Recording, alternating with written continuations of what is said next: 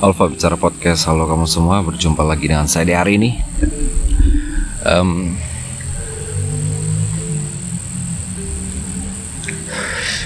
Beberapa waktu yang lalu kan saya pengen ini Ngelanjutin sampai episode ke 100 Dan ternyata kepending lama Sampai Hampir satu bulan Atau tiga minggu kalau nggak salah. Um, Dan sekarang kita Saya rekaman di outdoor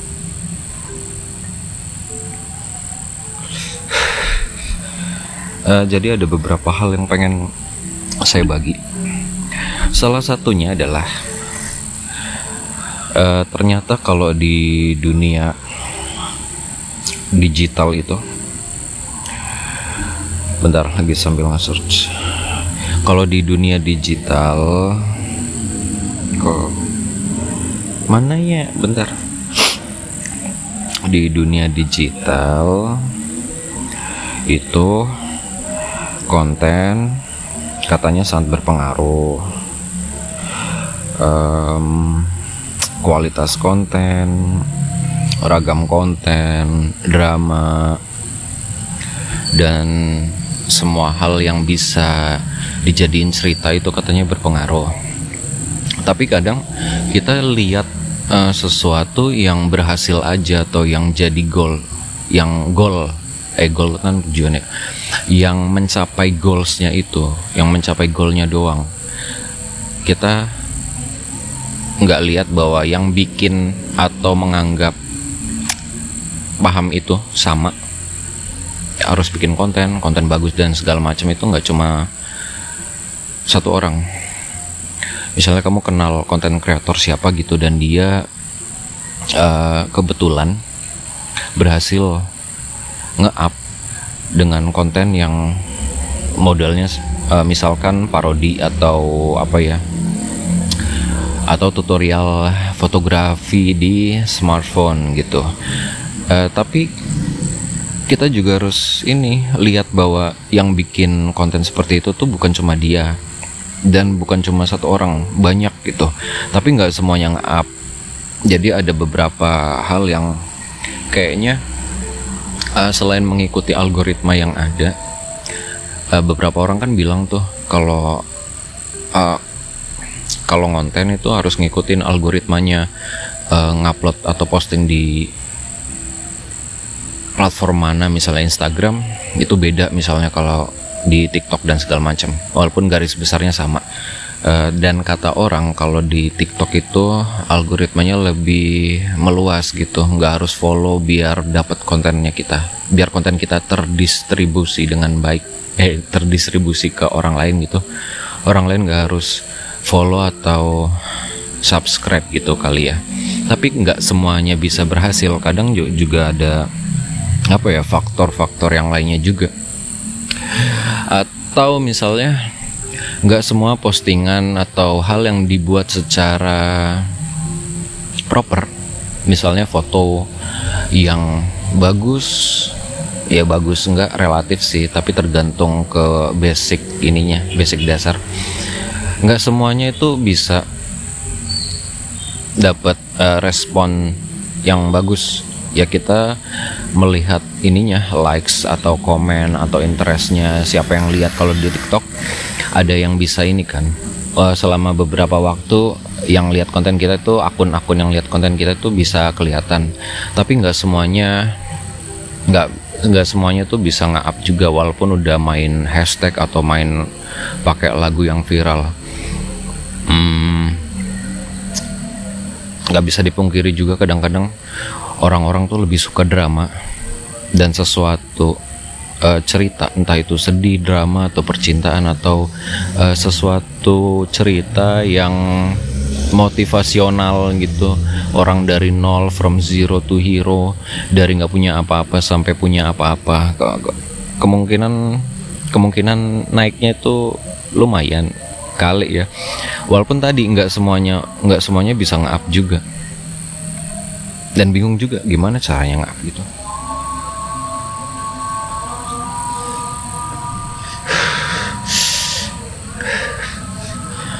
uh, uh, ternyata susah ya. Uh, ketika orang-orang buat tutorial dan tips caranya bikin konten yang disukai oleh audiens di salah satu platform gitu atau di berbagai platform tapi itu jadi kayak sebuah ini gak sih kayak template gitu. Jadi orang-orang tuh bikin hal yang sama templatenya serupa. Hmm, misalnya foto foto yang lagi tren apa ya? Ah foto yang low angle atau yang saya tahu tuh dari TikTok bahwa oh ternyata bisa ini ya rekam video potret yang kameranya dibalik dari bawah gitu dan semua orang uh, make itu semua. Ah, nggak ada yang salah sih. Nggak ada yang salah. Dan memang beberapa orang bisa membuat hal itu jadi bagus hasil kontennya. Tapi nggak semuanya juga. Saya juga nyoba. Kadang bagus kadang enggak gitu kan.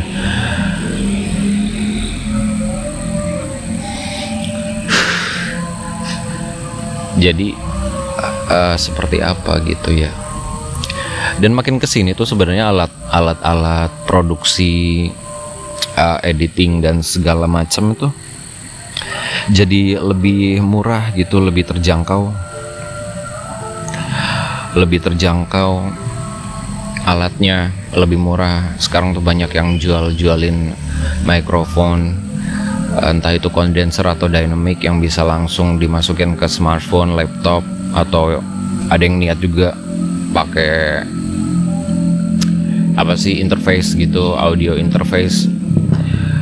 Eh, lalu aplikasi-aplikasi yang gratis, aplika aplikasi yang gratisan ataupun yang berbayar atau bayarnya pakai nonton iklan tuh uh, cukup bisa menyaingi gitu cukup bisa menyaingi editing-editing, aplikasi editing yang dulunya beberapa tahun yang lalu itu cuma paling bisa di Adobe entah itu Premiere atau Light uh, Photoshop, Lightroom atau After Effects. Tapi sekarang tuh udah bisa lewat uh, aplikasi mobile semua. Ya contohnya bisa Canva, uh, KineMaster, CapCut, VN, atau kamu pengguna iOS bisa Luma, Luma Fusion atau iMovie, Snapseed, Lightroom Mobile atau ini yang gambar tuh saya lagi sering pakai Epic dan macam-macam. Kombinasi itu semua tuh bisa di uh, bisa mengcreate sebuah konten yang mirip-mirip hasilnya dengan alat edit profesional yang tadinya itu mungkin softwarenya berbayar langganan gitu atau beli putus uh, tidak mungkin nggak proper buat misalnya movie yang serius gitu atau foto yang serius. Tapi ada juga yang bisa dan mendekati gitu. Dan smartphone smartphone sekarang uh, powernya udah gila semua. Uh, chipsetnya udah bagus. Terus apa ya kameranya udah bagus sistem modul kameranya udah bagus hasilnya udah bagus foto videonya segala macam stabilisasinya bagus. Ya makin ke sini uh, makin mudah gitu untuk membuat konten secara mobile. Dan banyak juga yang membuat itu. Dan kadang-kadang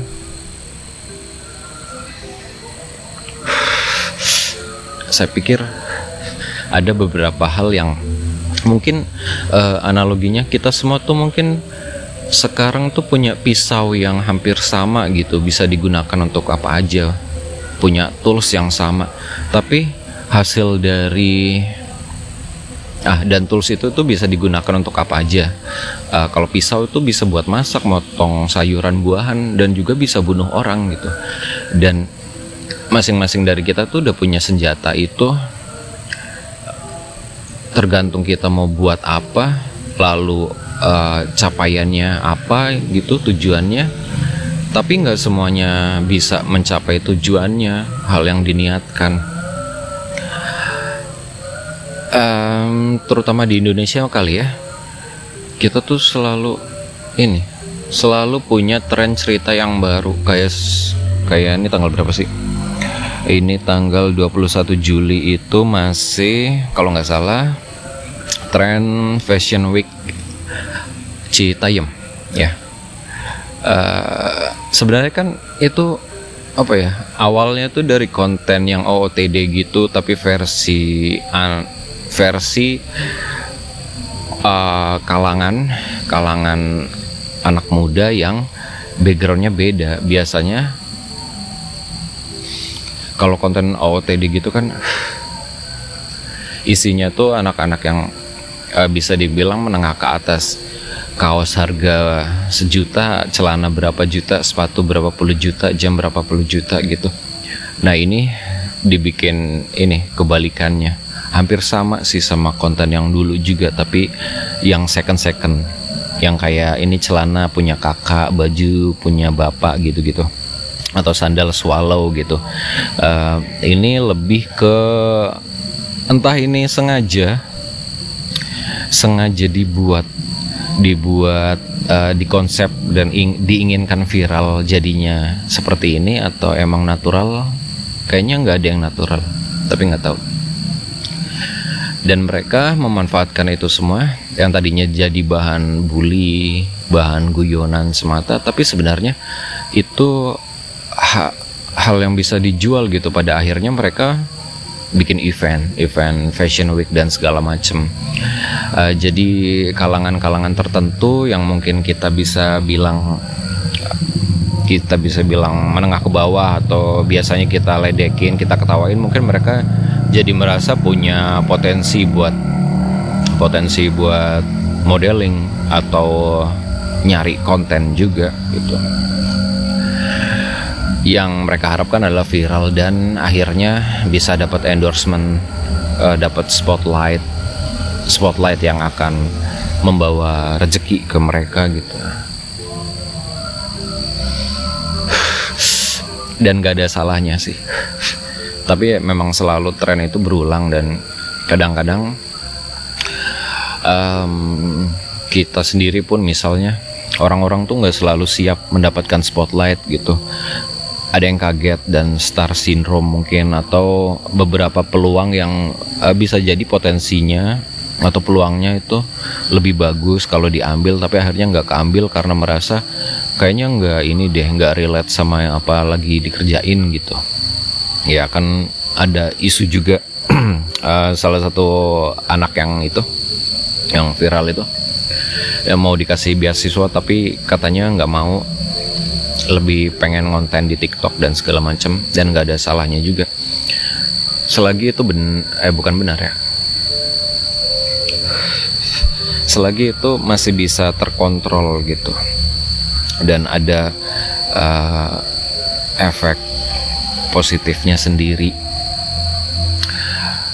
kan sosmed tuh apa ya? Eh barusan dengar eh mendengar barusan baca berita di Twitter kalau ada seorang anak SD yang akhirnya depres mengalami depresi karena dia itu disuruh mencabuli kucing. Kemudian dia depresi dan akhirnya bunuh diri kalau nggak salah. Anaknya meninggal itu kan hal yang di luar ini di luar di luar nalar kita sebagai orang yang dewasa gitu. Kok bisa anak bunuh diri dan anak seorang anak nih SD segerombolan anak uh, eh, sempat sempatnya mereka berpikir untuk mencet ini nyuruh menyetubuhi kucing lalu mereka rekam gitu. Kemudian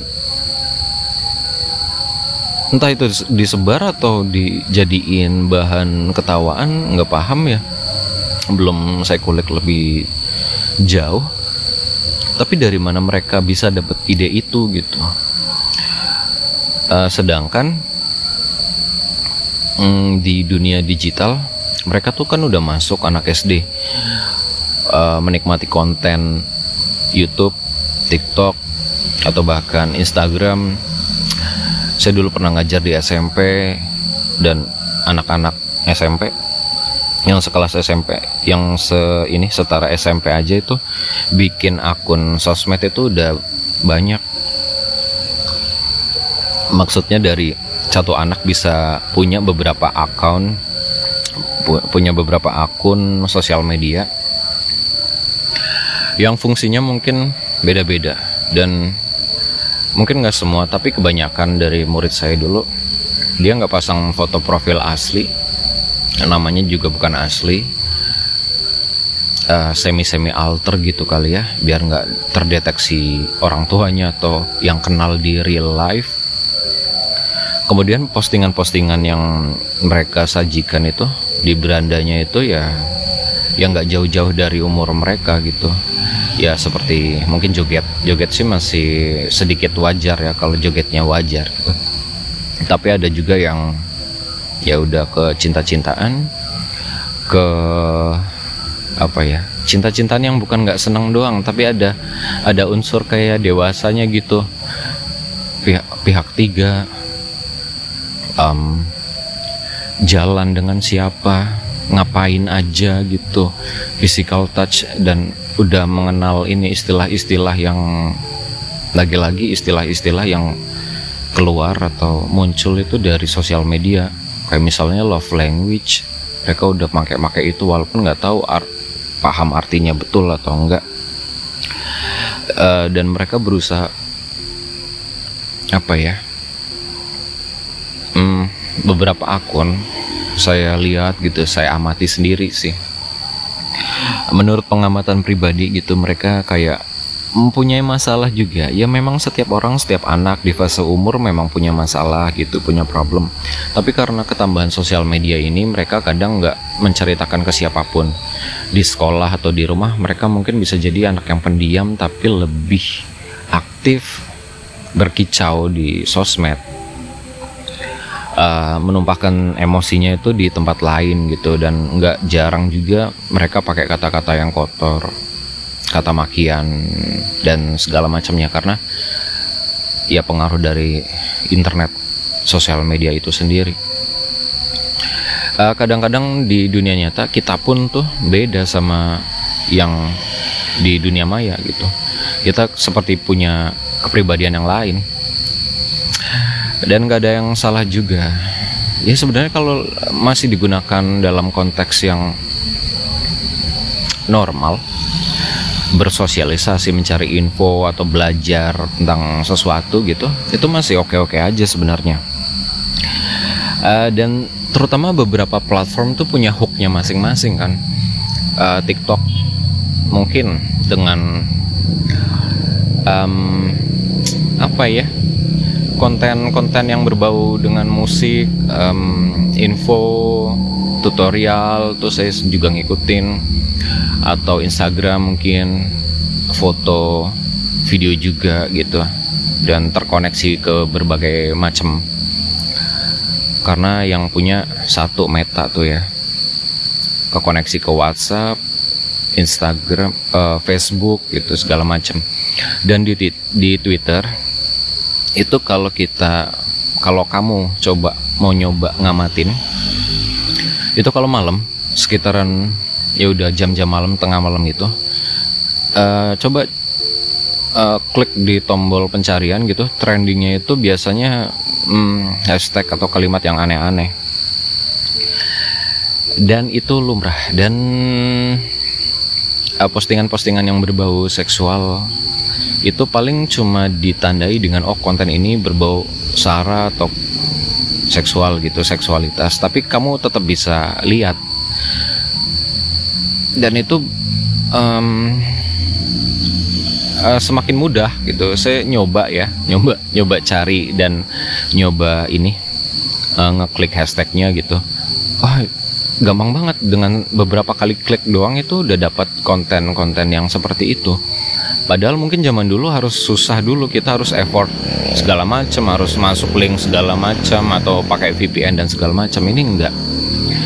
Jadi eh, memang ada yang aneh-aneh. Tapi sebenarnya kalau di Twitter tuh saya lebih suka ke ini nggak tahu ngaruhnya di mana ya. Beberapa artis ini, artis visual gitu, kreator digital visual mungkin um, tukang gambar, tukang foto, videografer, fotografer sama yang berbau NFT itu mereka lebih sering memainkan Twitter malah. Mereka posting uh, portofolionya lalu link link mungkin buat pembelian dan segala macam katalog-katalog digitalnya mereka upload di Twitter. Instagram uh, beberapa kreator ya di Instagram tuh malah nggak terlalu banyak pengikutnya malah lebih banyak di Twitter saya nggak tahu apa alasannya tapi akhirnya saya follow dan saya menemukan oh di di Twitter tuh bisa nyari referensi ini bagus uh, soal foto soal karya visual gitu gambar dan segala macam dan uh, enaknya gambarnya tuh bisa disimpan gitu. Dan kebanyakan kalau yang upload itu emang uploadnya gambar yang high res ya kita bisa download juga versi high res. Galeri saya tuh penuh sama gambar-gambar Twitter. Ya gitu ada ada dua sisi gitu. Ada yang bilang ada yang bilang apa ya Twitter itu tempat kelas uh, kelas belajar yang banyak hidden gemnya gitu ya. Ya seperti di dunia nyata mungkin ya. Masing-masing platform tuh kalau mau dikulik dan kamu nyarinya buat belajar tuh ada-ada aja. Di TikTok juga ada. Saya sering ini kalau di TikTok tuh video tutorial editing gambar atau editing video. Itu banyak tapi juga ada yang aneh-aneh juga. Dan yang masih nggak nggak ngerti aku sih ini Ome TV nggak tahu tuh. Kemarin baru nginstal nyoba kan ada temen yang yang ini lagi mainan gitu. Oh apa sih? Penasaran gitu. Itu kayak video call orang random. Kadang ketemu cowok kadang gak jelas gitu. Kadang langsung menyapa dengan makian gitu. Atau yang berbau sara atau berbau seksual? Kadang nggak ngerti deh. Orang di internet tuh kayak gitu nggak apa filter adabnya tuh berkurang gitu. Mereka lebih berani berani buat um, melakukan mengucapkan hal-hal yang di luar norma tuh ke orang yang bahkan tidak kenal itu lebih berani di digital di platform digital gitu aneh. Dan itu saya yakin itu mempengaruhi pola sosial uh, mempengaruhi kebiasaan cara orang berkomunikasi, berinteraksi satu sama lain, cara orang bertindak dan berpikir, atau bahkan pergeseran norma. Sesuatu yang dulu mungkin atau sebenarnya kita anggap eh, nggak uh, boleh, kita anggap negatif, tapi mungkin sekarang dianggap hal yang lumrah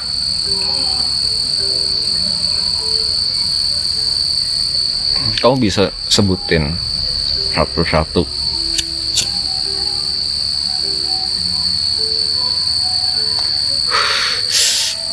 contohnya banyak. Uh, yang paling gampang deh episode beberapa hari yang lalu.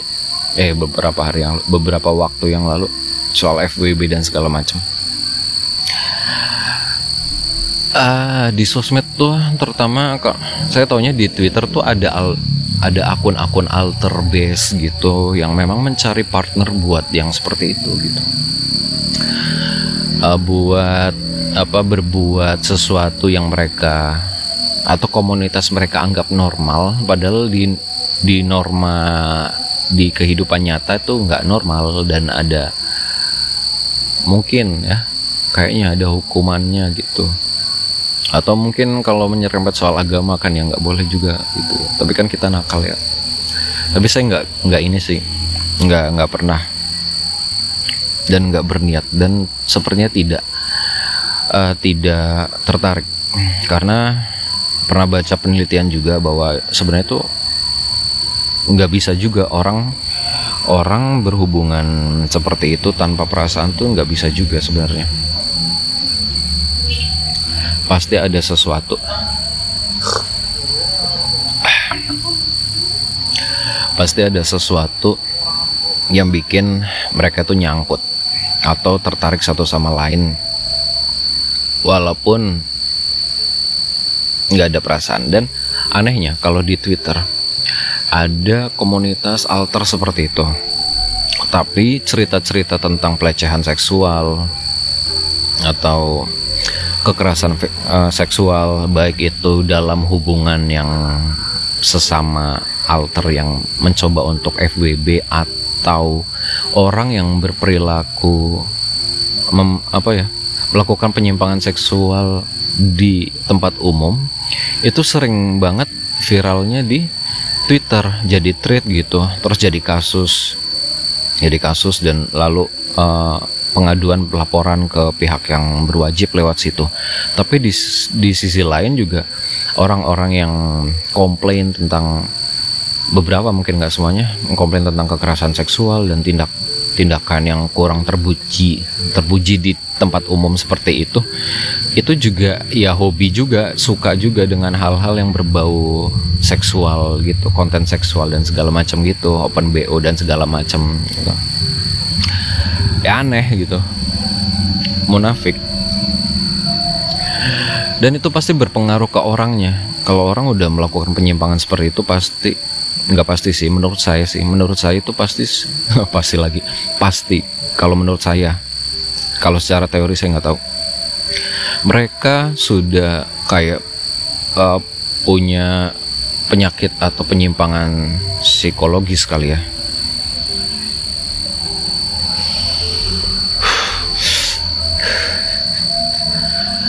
Dan misal dimulai dari satu orang, kedua orang, tiga orang, lalu ke, ke komunitas 7 sampai 30 orang, lalu akhirnya berdampak ke society. Jadi hal yang lumrah.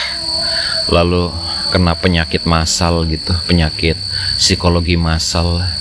Lalu norma-norma yang sebenarnya tidak boleh jadi boleh gitu. Yang menganggap nggak boleh itu cuma orang-orang yang tua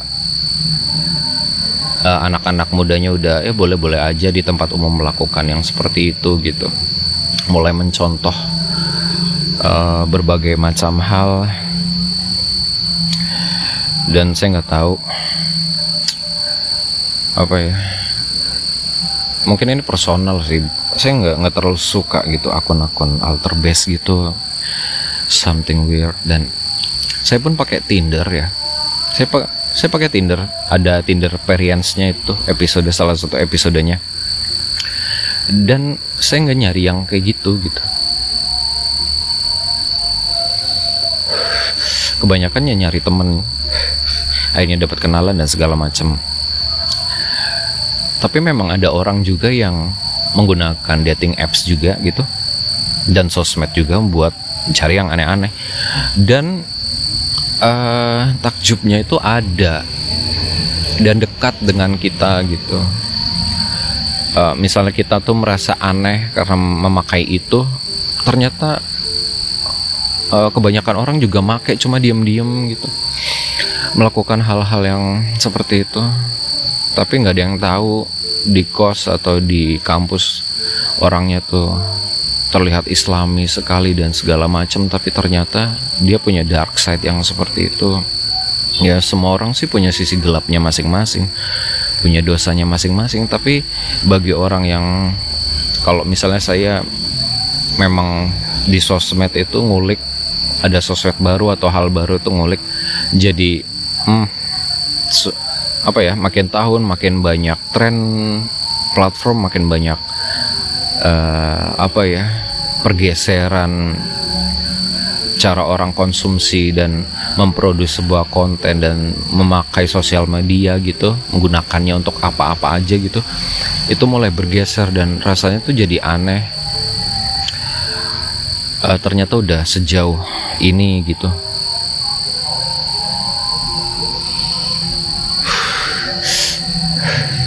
Dan muncul rasa-rasa takut. Uh, gimana jika anak-anak remaja sekarang yang kecil ya contohnya tadi deh akhirnya ada kasus uh, sekelompok anak SD yang akhirnya merekam nyuruh temannya buat apa melakukan hubungan seksual dengan kucing lalu mereka rekam gitu. Akhirnya muncul hal yang aneh-aneh. Itu dari menurut saya sih pasti ada korelasinya dengan kehidupan sosial media atau digital ini. Itu mempengaruhi cara orang. Harusnya sih yang menggeluti sosial sosiologi antropologi gitu itu banyak banget hal yang bisa dikulik dan diteliti ya karena dalam 10 tahun aja udah bergeser cara orang berinteraksi cara orang memandang sesuatu cara orang memanfaatkan teknologi ini untuk apa. Dan masing-masing dari kita itu dipermudah. Kita udah punya pegang alat masing-masing. Smartphone gitu device mobile. Kita bisa gunakan buat konsumsi buat produce juga bisa buat nyari duit bisa, buat ngabisin duit bisa. Judi online semudah itu sekarang dan judi online itu sering kali dibarengi dengan konten seksual juga. Dan konten seksual ya mereka juga jualan ngiklan judi online juga.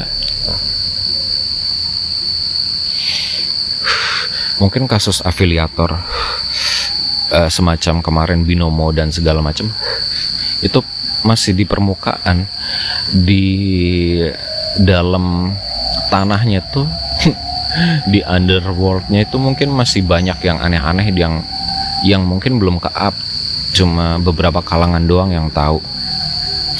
Bisa jadi kayak gitu. Dan makin makin ke sini kadang-kadang makin apa ya? Karena kita tuh kalau mau kalau mau konten gitu orang-orang orang-orang tuh pengen punya pengen punya kesempatan buat viral. Karena viral itu jadi kayak tambang baru.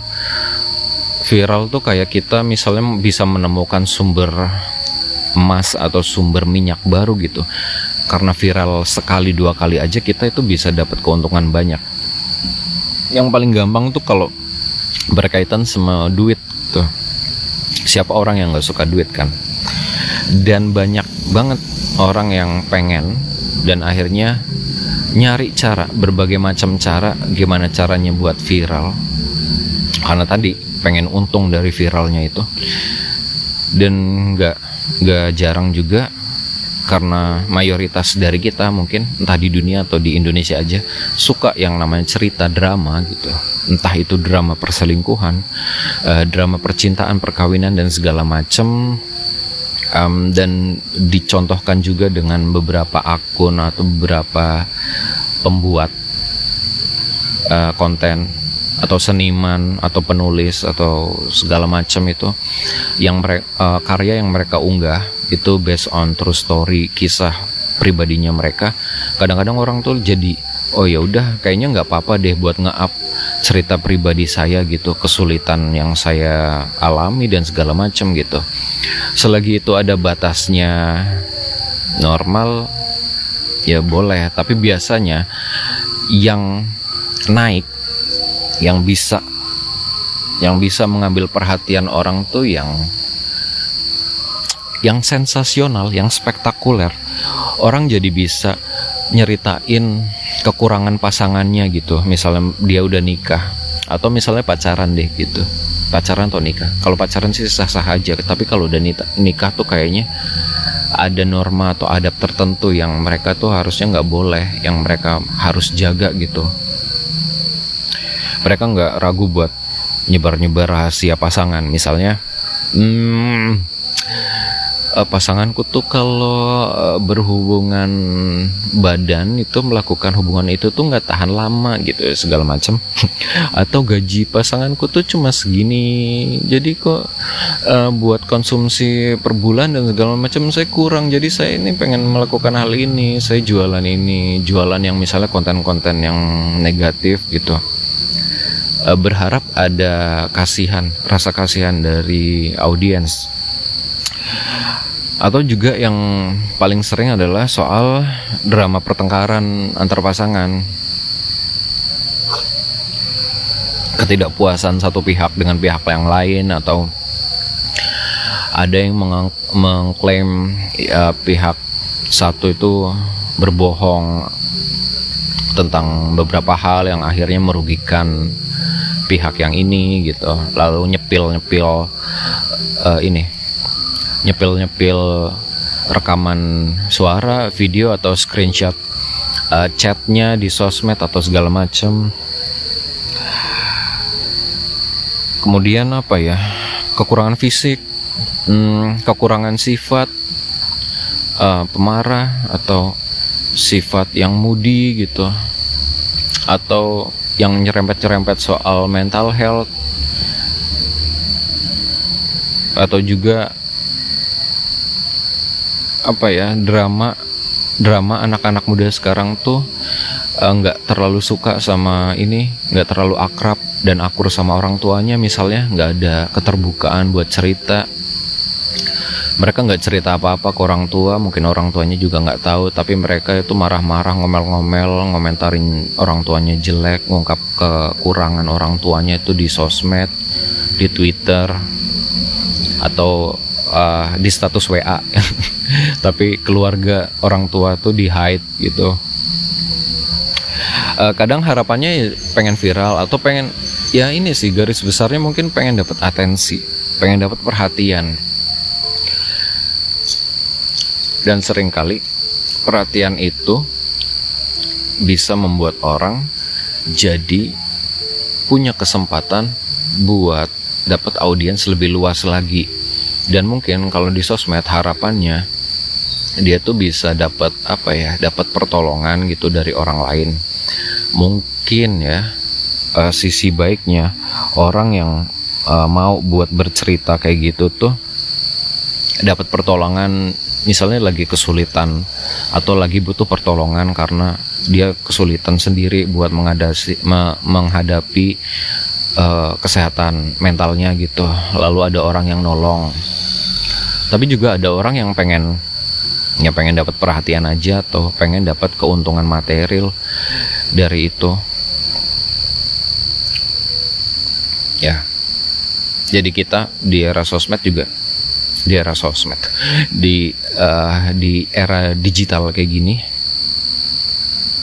beberapa dari kita tuh jadi haus perhatian karena perhatian orang menjadi viral itu istilah viral menjadi viral itu seperti tambang yang baru bisa menghasilkan berbagai macam keuntungan asal kita bisa memanfaatkannya asal kita bisa menaiki riding the wave, menaiki ombak. Dan akhirnya banyak hal-hal yang konyol dan terlihat bodoh gitu. Karena publikasi, publisitas negatif itu ya tetap saja publisitas kan kata orang. Jadi mau itu publisitasnya positif atau negatif itu sama aja. Sama aja membuat orang lain tuh tahu dan pasti kita tuh udah paham udah udah ngerti gitu beberapa mungkin orang yang kita kenal seleb gitu bukan artis. Artis itu menciptakan sesuatu. Seleb itu ya mungkin ya karena terkenal aja. Beberapa orang menjadi seleb dan sampai masuk TV itu ya gara-gara mungkin kelakuan bodohnya yang sengaja yang mungkin orangnya nggak bodoh sebodoh itu tapi sengaja mempertontonkan itu mengulang-ulang itu membranding dirinya dengan tindakan atau ciri khas karakter seperti itu agar agar nge-up, agar naik, agar ya beberapa orang juga sumber penghasilannya, jobnya itu dari kontroversi berkasus dengan banyak orang gitu. Yang kadang-kadang kita tuh nggak tahu nih kasus apa terus dia tuh sebenarnya siapa kok tiba-tiba naik gitu. Ya memang ada orang yang pengen viral yang nyari itunya doang nyari makan dari kasus orang.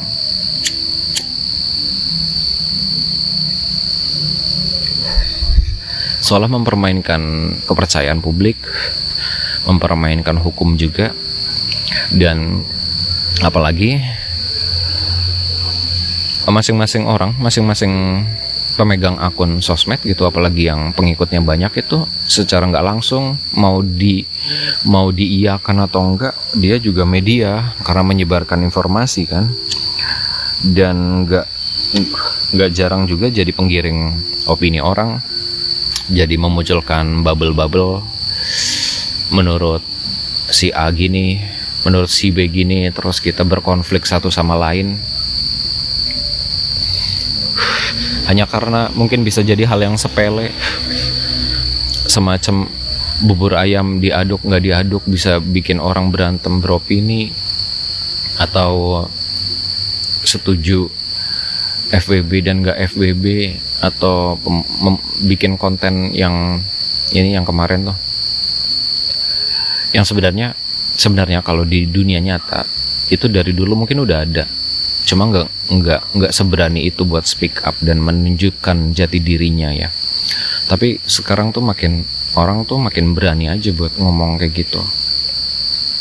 Dan menunjukkan identitas oh ya saya tuh suka main kayak gini saya suka suka berperilaku kayak gini saya suka minum minuman gitu.